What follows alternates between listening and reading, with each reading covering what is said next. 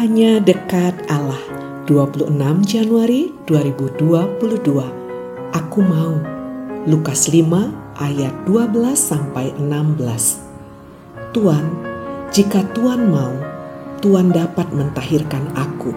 Lukas 5 ayat 12. Demikianlah permohonan seorang yang berpenyakit kusta.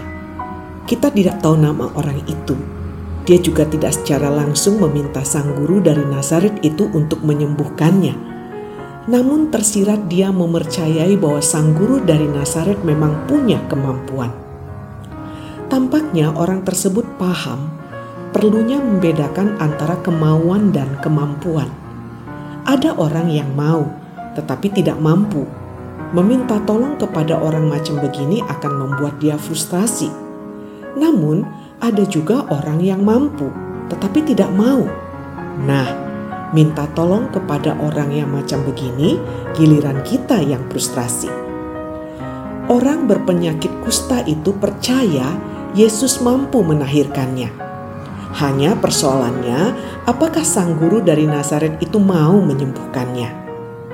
Mungkin karena itulah dia mungkin karena takut kecewa menyatakan kalimat itu jika Tuhan mau, Tuhan dapat menahirkan aku.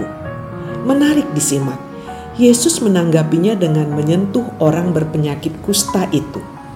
Tindakan itu pasti mengagetkan. Dengan demikian, Yesus meresikokan dirinya untuk menjadi najis. Pada masa itu, orang yang berpenyakit kusta dianggap najis, dan yang menyentuhnya ikut-ikutan najis. Jadi, Yesus bersedia menjadi najis. Tak hanya itu, Yesus berkata, "Aku mau, jadilah engkau tahir." Yesus tidak hanya mampu, juga mau. Orang itu pun menjadi tahir. Belas kasihan Yesus membuat Yesus menyentuhnya. Sentuhan itu sifatnya personal. Sentuhan mematahkan jarak, dan itu bukti kasihnya. Sedikit tanya, Apakah Yesus menjadi najis? Pasti tidak. Kan orang itu sudah sembuh. Salam semangat dari kami, literatur perkantas nasional. Sahabat Anda bertumbuh.